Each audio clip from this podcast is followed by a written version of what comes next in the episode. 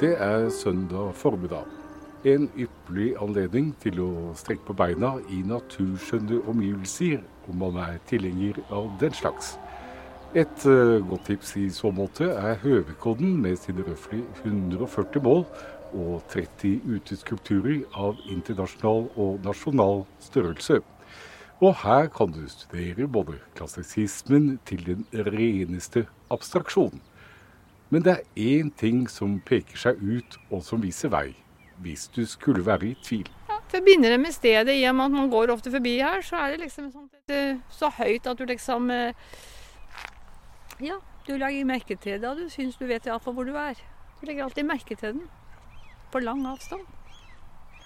Så der nedenfor der er Henny Onsdagssenteret, liksom. Når du ser den, så vet du hvor du er. Så det er et slags uh, navigeringspunkt? Ja. ja. Det kan du si for den som er ukjent, iallfall. Men nå er jo jeg kjent, da.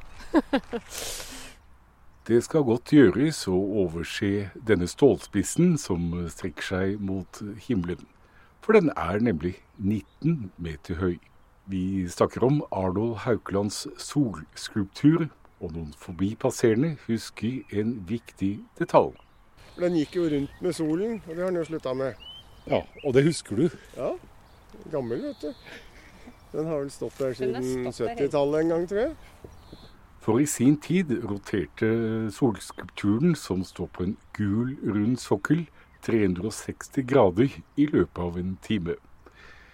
Vi skal i løpet av de neste minuttene snakke om Arnold Haukeland som er den billedhuggeren som utfordret det offentlige rom med sine nonfigurative stålskulpturer, og som fikk et uskyldsrent Norge til å klø seg litt hardere i hodebunnen.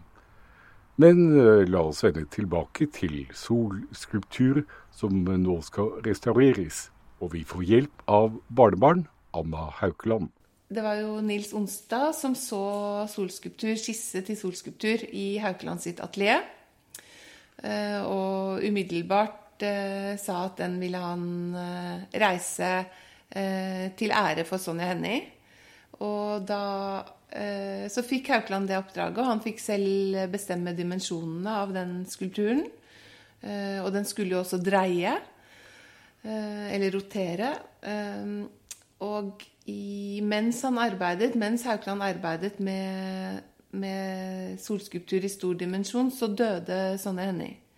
Så da besluttet Nils Sonstad at den skulle reises som et monument over, over Sonja Hennie. Men utgangspunktet var ikke Sonja Hennie, og det er det kanskje mange som, som tror. Men det var en skulptur som Nils Sonstad så i Haukeland sitt atelier. Eh, og så valgte da til Sonja Hennie husker han som veldig stor og, og raus og karismatisk og koselig bestefar var han for meg, da. Ja, og så gikk han og røykte pipe. Ja, han røykte pipe. Ja. så eh, tobakkslukten satt godt i. Ja, eh, men jeg, jeg, husker ikke så godt det at det luktet røyk, faktisk. Men hvem var så Arnold Haukeland før han begynte med piperøyking og skulptur? Han eh, vokste opp i Sarpsborg på 1920-tallet. En by som bar sterkt preg av Borgård, landets eh, største industriarbeidsplass, som produserte cellulose og papir. Veien til eh, kunstnerskapet var nok noe kronglete. Han vokste opp som eldst av fire brødre. Eh, faren hans var eh, lærer, og moren var pianist. Og ga timer, eh, pianotimer til barna i nabolaget og ja, de som var interessert. Og faren leste dikt og var også ansvarlig for skoleteatret. og Arnold Haukeland var nok ikke noe sånn åpenbart for noen at hans vei var at han skulle bli billedhogger eller kunstner. Han var eh, opptatt av idrett og utmerket seg også som idrettsutøver. Um, og hans, eh, hans, plan var å bli overingeniør på Borregaard. Han var jo så ambisiøs at han søkte seg inn på NTNU. Ja. Så etter han hadde tatt artium og hatt et eh, praksisår så reiste han til Trondheim eh, og begynte på NTNU i 1940. Og eh, sprang fortsatt mye ut i skogen på ski. Og eh, selv om han var god i lagidrett, så utmerket han seg alltid i den individualistiske sporten. Og det er kanskje sånn eh, av betydning da for, for ham senere at han eh, var flink til å prestere på egen hånd og var ikke avhengig av å ha et lag rundt seg. Men på NTNU så, så fulgte han studiene, men så, så ble han liksom lokket til arkitektenes rom. Og de hadde et loft hvor de tegnet. Og hans besøk der ble stadig hyppigere. Og det var på NTNU at han for første gang fikk rett og slett hånden i leire og begynte å modellere. Eh, så parallelt med ingeniørstudiet så, så, begynte han å modellere. Modellerte sine medelever og lærere og eh, litt sånn naturstudier. Eh, og, men så ble Dette var under krigen. Og i 1944 så ble det streik på skolen, hvor han da reiste hjem til sine foreldre i Sarpsborg. Og da, da var han grepet og tegnet og malte masse. Og eh, modellerte også. Og det er en litt morsom historie om at han syklet fra Sarpsborg til Larkollen med, med sekken full av tegninger og lerreter ut til Håkon Stenstadvold, som bodde på Larkollen. Og han hadde også noen eh, eh modellerte skisser hvor eh, hvor eh, Håkon Stenstadvold sier veldig tydelig at nei, noen tegner eller maler, det bør du ikke bli, men du kan gjerne fortsette å, å modellere. Da ble ingeniørstudiet lagt på hylla, og ja. han rett og slett skjønte at det var kunstner han måtte bli? Ja, rett og slett. Og akkurat liksom de, de tankeprosessene eller hva som skjedde i han da, det kjenner jeg ikke så godt til. Men det er jo bare sånn historien som kan fortelle da, at han eh, faktisk la ingeniørstudiet bak seg. og eh, ville bli kunstner, rett og slett. Arnold Haukelands første og viktigste oppdrag var Frihetsmonumentet, som skulle reises ved rådhuset i Sandvika. Men uh, før vi kommer dit, må vi innom Det illegale akademi, som ble dannet under krigen som et uh, slags motsvar på den nazifiserte kunstutdanningen.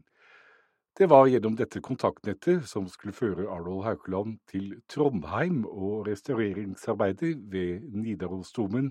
Det sier Anna. Nei, men Det var en konkurranse. Altså Etter eh, Det illegale akademi, som eh, Stinus Fredriksen og Per Palle Storm drev, så var Stinus Fredriksen ansvarlig for eh, utsmykking av eh, restaureringen av Nidarosdomen hvor arkitekt Helge Thies eh, som var ansvarlig der. Og Stinus Fredriksen hadde sagt til Arnold Haukeland da han var i Trondheim, at han måtte kontakte Helge Thies om det var mulighet for at han kunne få et oppdrag på Nidarosdomen. Og det fikk han. Så han har to arbeider i, eh, i veggen, eh, fasaden, på Nidarosdomen. Og da var han jo bare 24-25 år gammel. Um, så da hadde han allerede allerede litt erfaring med det å jobbe med arkitektur. Eh, og noe som han eh, syntes var veldig spennende. Eh, og eh, så var det en utlyst konkurranse om et frihetsmonument. Og dette var da i 1947, så det er jo like etter krigen. Eh, som han oppdaget ved en tilfeldighet hjemme hos en medstudent fra Eller som han ble kjent med på Det illegale akademi. Og så søkte han eh, på, på, det, på, den konkurransen, eller meldte seg på, eller hva man skal si, men i hvert fall kom med en skisse. Og da var det datteren til Helge Thies som eh, Midt på natten av historien kom hun bankende, stormende på døren hans og fortalte han at han hadde vunnet eh, eh konkurransen om et frihetsmonument utenfor Sandvika rådhus. Så det er jo et kjempeviktig oppdrag. Og som han selv sa, eh, det er jo et oppdrag som en eh, billedhogger gjerne får veldig sent i karrieren. Men han var da 27 år gammel da han fikk det første store oppdraget. Og han eh, ble vel såpass skrekkslagen. Han uttalte jo selv at Han måtte reise til Europa for å summe seg. Ja, han måtte summe seg. Han måtte i hvert fall se. Han måtte se andre rytterstatuer. Og, og eh, var, han var allerede inspirert i, i konkurranseskissen sin eh, av en eh, konkret rytterstatue i Roma. Eh, og så han måtte reise igjen og se eh, den og andre rytterstatuer. Men han eh, ville jo gjøre det til en norsk rytterstatue. Så det er jo en Det er jo en gamp. En skikkelig traust og stor hest. Det er ikke en elegant elegant sprang, spranghest, det der. Det er, det, er en, det er, en, gamp, og den er jo overdimensjonert i enkelte partier for at den skal spille mot arkitekturen da, i Sandvika rådhus. Så det er jo ikke en Eh, helt naturalistisk framstilt eh, komposisjon. Verken rytteren eller, eller hesten. Så den, han, den er liksom trukket ut i, i, eh, for å harmonere med det flotte bygget da, som er Magnus Paulsen, som også er arkitekten bak Oslo rådhus. Det er ikke noe My Little Pony i dette her. Nei, det er det ikke. Men eh, altså, så kommer han hjem, ja. og det han også gjør, er at han drar på Bjerkebanen for å se på hester. Ja, han drar til Bjerkebanen for å se på hester. Han fikk bygget et atelier på Nesodden, der de bodde på den tiden. Og de hadde også en hest hos seg. Eh, og jeg husker ikke akkurat nå, men han hadde jo lang tid på, den, på det oppdraget. Eh, flere år. Og det var i perioder hvor han kunne jobbe mye og in intensivt. Og så var det liksom stille perioder. Men det var sånn, den ble arbeidet fram i i rykk og napp, den, eh, den rytterstatuen. Som den eh, observante lytter sikkert har registrert, har vi begått et sceneskifte. Og det du hører her, er lyden av Magdalen. Noen steinkast unna finner vi også Oslos viktigste vannkilde, altså Magdalsvannet. Og det er her i denne skogsidyllen vi finner Sverre Willy. Vi skal etter hvert snakke om Arnold Haukeland, men først må vi få en liten guidet tur. Stedet vi har her, det er jo et kruttlager etter Forsvaret. Som vi, jeg og min kone, overtok og fullstendig transformerte inn til et atelier, kan du si, med etter mye arbeid og forhandlinger med Byantikvaren fordi det er fredet. Så alt det du ser rundt her, det har vi på en måte Det er arbeid vi har gjort, da, kan du si. Det var Småskogen vokste opp helt inn til murveggene her. Og det var piggtrådgjerder rundt og ståldører. Og ikke noe lys. Vi fikk lov av Byantikvaren å sette inn et ryttervindu langs hele gavlen, så vi har godt lys inn i atelieret nå. Men det har vært mye arbeid Det har vært mye arbeid. Men dere lever på en måte i pakt med naturen her? Ja, det er jo fantastisk luft, og det er jo stille og rolig. Vi har ingen gjenboere her. Så vi, vi, Det eneste vi treffer her om morgenen, er en hare eller en, en, et rådyr eller en rev av og til. Så det er fredelig. Det er fredelig. Og rundt omkring her så ser vi også en del av de karakteristiske jernskulpturer malt. Eh, og hva er teknikken din eh, som du har brukt eh, for å lage skulpturene? Ja, Det vi ser rundt her, det er jo litt forskjellig. Det er fra forskjellige perioder. Men vi har den ideen at vi skal plassere ut skulpturer i, i landskapet her. Og de som står nærmest huset, som du ser rundt her, de står ikke permanent. Vi flytter på dem og prøver ut nye ting. Men de stålskulpturene, de er, eh, er laget Jeg begynte med det i 2009. Da ble jeg invitert til Canada og se på riv, rivningen av en, en eh, papirfabrikk. Et kjempeområde som ble tatt ned til eh, flatet ut fullstendig i løpet av to år. Hvor jeg kunne komme reise til og fra og ta ut stål og bygge skulpturer. Så jeg bygde en, kanskje 25 skulpturer i løpet av to år. Og de fleste ble tatt med over til Norge. Og eh, så de, får de prøve seg her i skogen. Og noen har også fått andre adresser etter hvert rundt omkring. Ja, var det den perioden også Altså, du har jo laget en lignende stålskulptur utenfor Vigelandsmuseet. Var det samme periode? Ja, det er en av den serien. Det stedet nå er det het, Miram, heter Miramichi. Så hele serien er, eh, heter Miramichi-serien. Så det er nummerert. Så det er Miramichi nummer 19 som står foran Vigelandmuseet. Og det er den største jeg har lagd der borte. Den er 6,5 eh, meter. Og den vridningen man ser i stålet der, det er rett og slett forårsaket av maskiner, og de rev ned hele den svære industrihallen der. Så den ideen jeg hadde med prosjektet, er å prøve å vise hvor lett stål er, og hvor mykt det er. Altså vi, vi, kan jo bende og snu på en ståltråd uten problemer, men hvis man bare ganger det opp med sterke maskiner og solide profiler, så kan man gjøre det samme. Stål er mykt og lett. Og øh, jeg ønsket å vise det. Men like lett som papir. Dette var en papirfabrikk. Rundt atelieret så ser vi noen forvridde, malte stålskulpturer. Ja, kanskje ikke helt i Arnold Haukelands ånd, men Sverre kan i grunnen forklare forhistorien. Altså, møtet mitt med hans arbeid skjedde egentlig da jeg selv begynte å lage skulptur for alvor.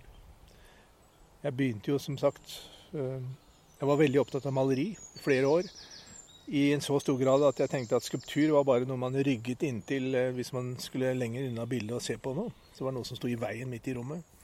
Så jeg var på en måte helt uinteressert.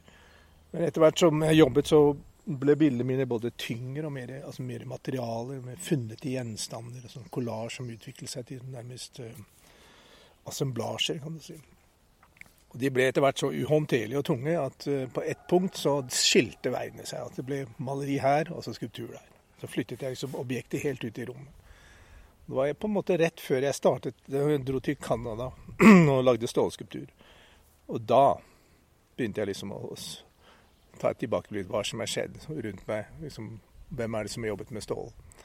Og jeg hadde jo selvfølgelig sett på Vigelands, nei, unnskyld, Haukelands skulpturer. Men de hadde liksom ikke vært meg nær før jeg selv begynte å ta i stål.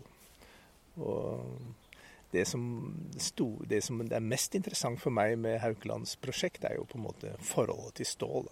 Det, det, jeg skulle gjerne hatt en shoptalk med han, men det har jeg gått glipp av. Ja, hva ville du uh, stilt han spørsmål om? Det er på en måte Altså De store prosjektene hans det ble jo laget på, i stålverksteder. ikke sant? Og Han hadde jo god hjelp, og han hadde veldig god, god assistanse. For dette er jo så, såpass Det er jo rene byggeprosjekter ikke sant? når det blir såpass stort. Men når han laget disse skissene, så var han utrolig på en måte La oss si slurvete, eller det var, ikke, altså, det var liksom ikke perfeksjon som han var interessert i. Han på en måte bare en nastet sammen akkurat nødvendige deler for at det skulle gå i den retninga han ønsket. Og det er jo utrolig sjarmerende, de små modellene hans som viser hvordan han tenkte. Det var som utrolig effektivt å bygge opp de tingene, helt uinteressert i finish. Det var ikke, var ikke smurte på litt maling, sånn at det skulle se rødt eller blått ut. og ferdig var han. Ikke sant? Og så ble jo det omsatt igjen, da, ikke sant? bygd i større format og på et verksted. og kom ut i en helt annen versjon. Før vi snakket sammen her nå, så måtte jeg inn og kikke litt på arbeidene hans på nettet, og så at på Nasjonalmuseet har de jo ganske mange av disse modellene hans. Altså Det er jo klart, de kan jo ikke ha så mange av disse svære utendørs skulpturene i en slik samling, men de har forbausende mange modeller. Det var i 1961 Arnold Haukeland fikk sitt definitive gjennombrudd. Og det skulle vise seg å være sammen med en som skulle bli en kjær venn, nemlig Jakob Weidemann. Ja, da, det var et, øh, et gjennombrudd for ham, for Arnold Haukeland, og også for, øh, for Weidemann. Det var jo den største Nei, unnskyld, for dem begge to, da, den første store markeringen for dem. Så de fikk hver sin overlyssal. Eh, hvor det var eh, Jakob Weidemann stilte ut eh, de tre siste års sånn skogbunnsmalerier som han hadde arbeidet med. Og Haukeland stilte ut mange skulpturer. Og da var han akkurat i en sånn brytningspunkt mellom det figurative og det abstrakte. Så der var det mange skisser til det som nå har blitt store monumentalskulpturer rundt omkring i landet. Ble vist på den utstillingen. Men du må nesten fortelle om eh, Arnold Haukelands forhold til Jakob Weidemann. For de hadde mye samtaler og ble etter hvert uh, ganske så gode venner. Og du må nesten fortelle om uh, deres forhold. Ja, så eh, Den utstillingen på Kunstnernes hus den var jo et gjennombrudd for Haukeland og Weidemann. Men jo, den har også blitt omtalt som modernismens gjennombrudd i Norge. Eh, og etter den utstillingen så ble jo Weidemann og Haukeland sammenstilt i mange sammenhenger siden. Og det er som du sier, at de var jo eh, De var jo også gode samtalepartnere og, og kolleger. Og også, også venner. Men jeg tror det også gikk litt sånn i det var en lidenskapelig relasjon. Noen ganger var de veldig gode venner, andre ganger så var de ikke så, så gode venner. Så det var litt opp og ned? Det var, var, litt opp og ned. Det er i hvert fall det jeg har blitt fortalt. Men eh, de begge var jo en del av den legendariske dødsgjengen. ja. Og nesten fortelle eh, hva slags gruppering dette var. Ja, altså Først og fremst så var vel dødsgjengen et eh, kollegialt fellesskap. og det er litt, det er litt uh, delte meninger om hvem som faktisk var den innerste kretsen i dødsgjengen. Men det var i hvert fall Jakob Beidmann og Haukeland og Gunnar S. og Jens Johansen. Um, og sikkert andre liksom i den, den, kretsen, men det er i hvert fall de jeg, jeg kjenner best til. da, som sterk, De sterke medlemmene. Så det var et eh, kollegialt fellesskap som jeg vet at for Haukeland var veldig viktig. Den utvekslingen han kunne ha med, med sine samtidige. Um, og um, ja, de driftet vel så å si Theatercaféen i uh, ganske mange år, tror jeg. De holdt, den, holdt, den, holdt liv i Teaterkafeen. det man kan si. Vi må snakke om hans forhold til det naturalistiske Norge ja. uh, på den tiden. Mm. For det var ikke så lett å være modernist eh, i et land som faktisk var preget av en naturalistisk form. Nei, det kan du si. Og det var jo altså, Tilbake til da Per Palle Storm og Stinus Fredriksen, som drev Det illegale akademi. Eh, per Palle Storm han var jo lærer på Akademiet fra 1945 og helt frem til 1980.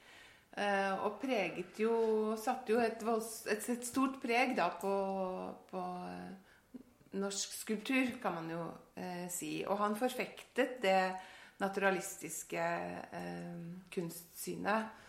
Og det er klart, modernismen hadde jo rådet i Europa og Amerika i mange år.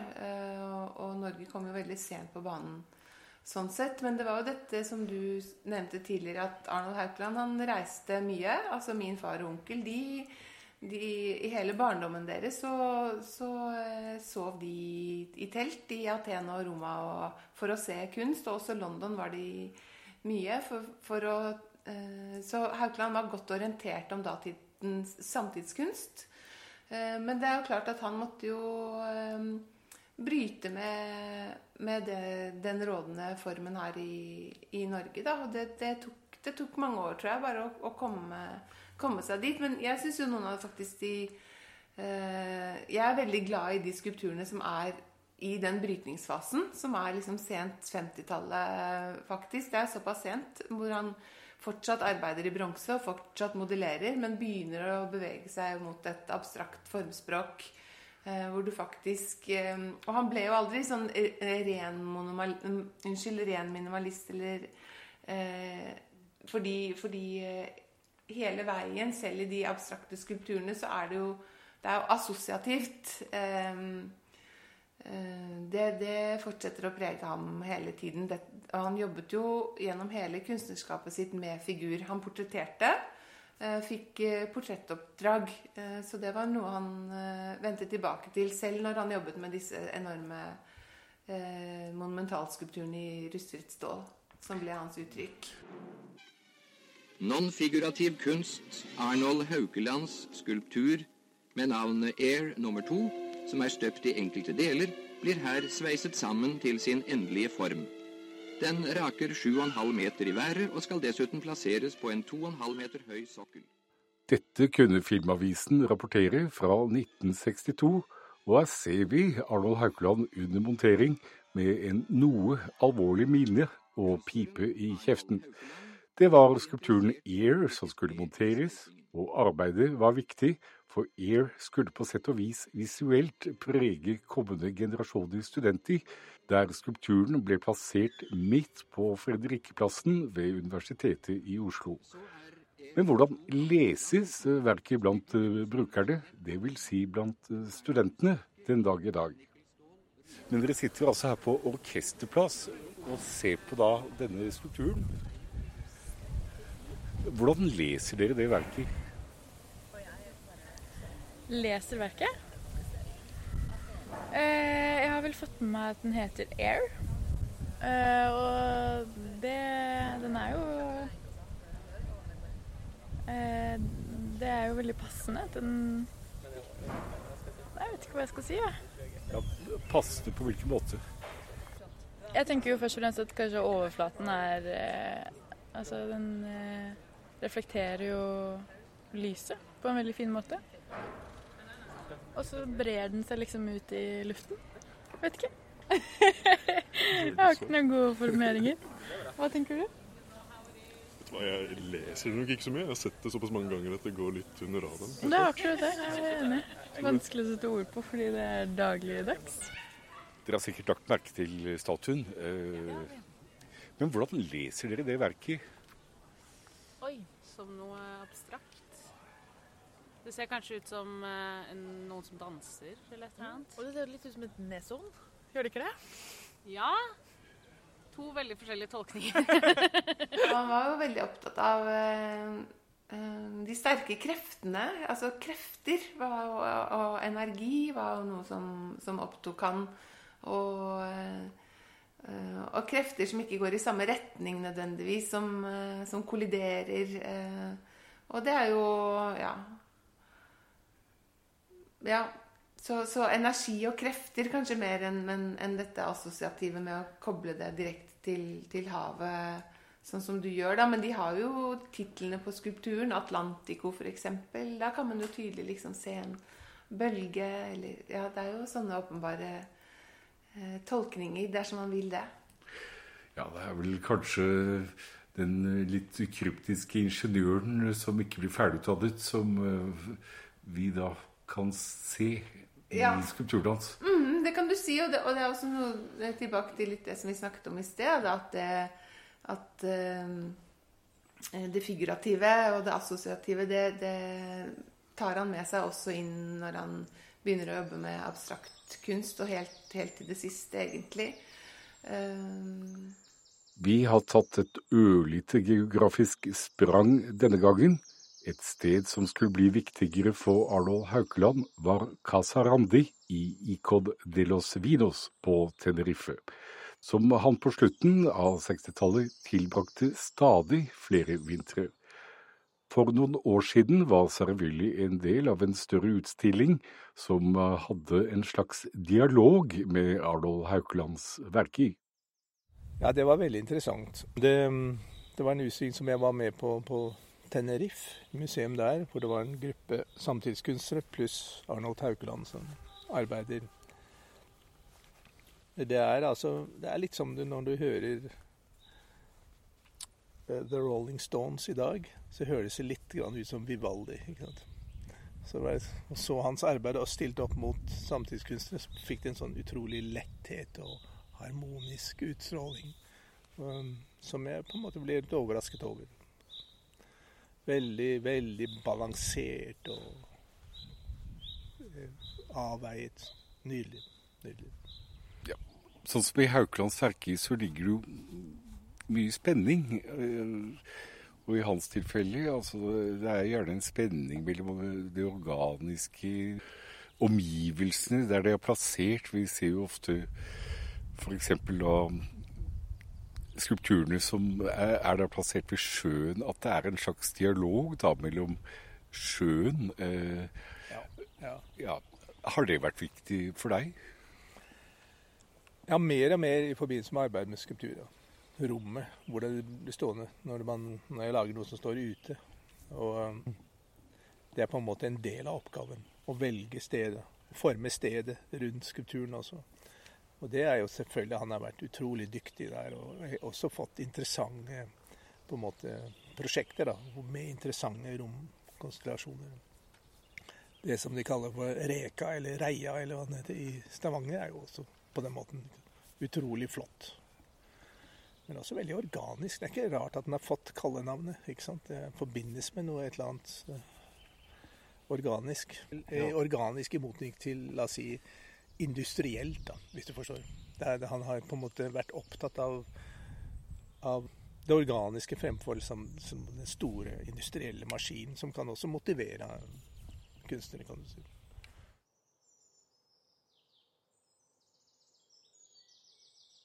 Som du kanskje har gjettet, så har vi vendt tilbake til Høvikodden og Solvik, hvor vi har slått oss ned på en benk. Ja, nokså balansert og avveiet, for å bruke Sverre Wyllers ord. Kikker du på floraen rundt, så kan du se vekster som knollmjødurt, prikk perikum til skogskløver og smørbukk.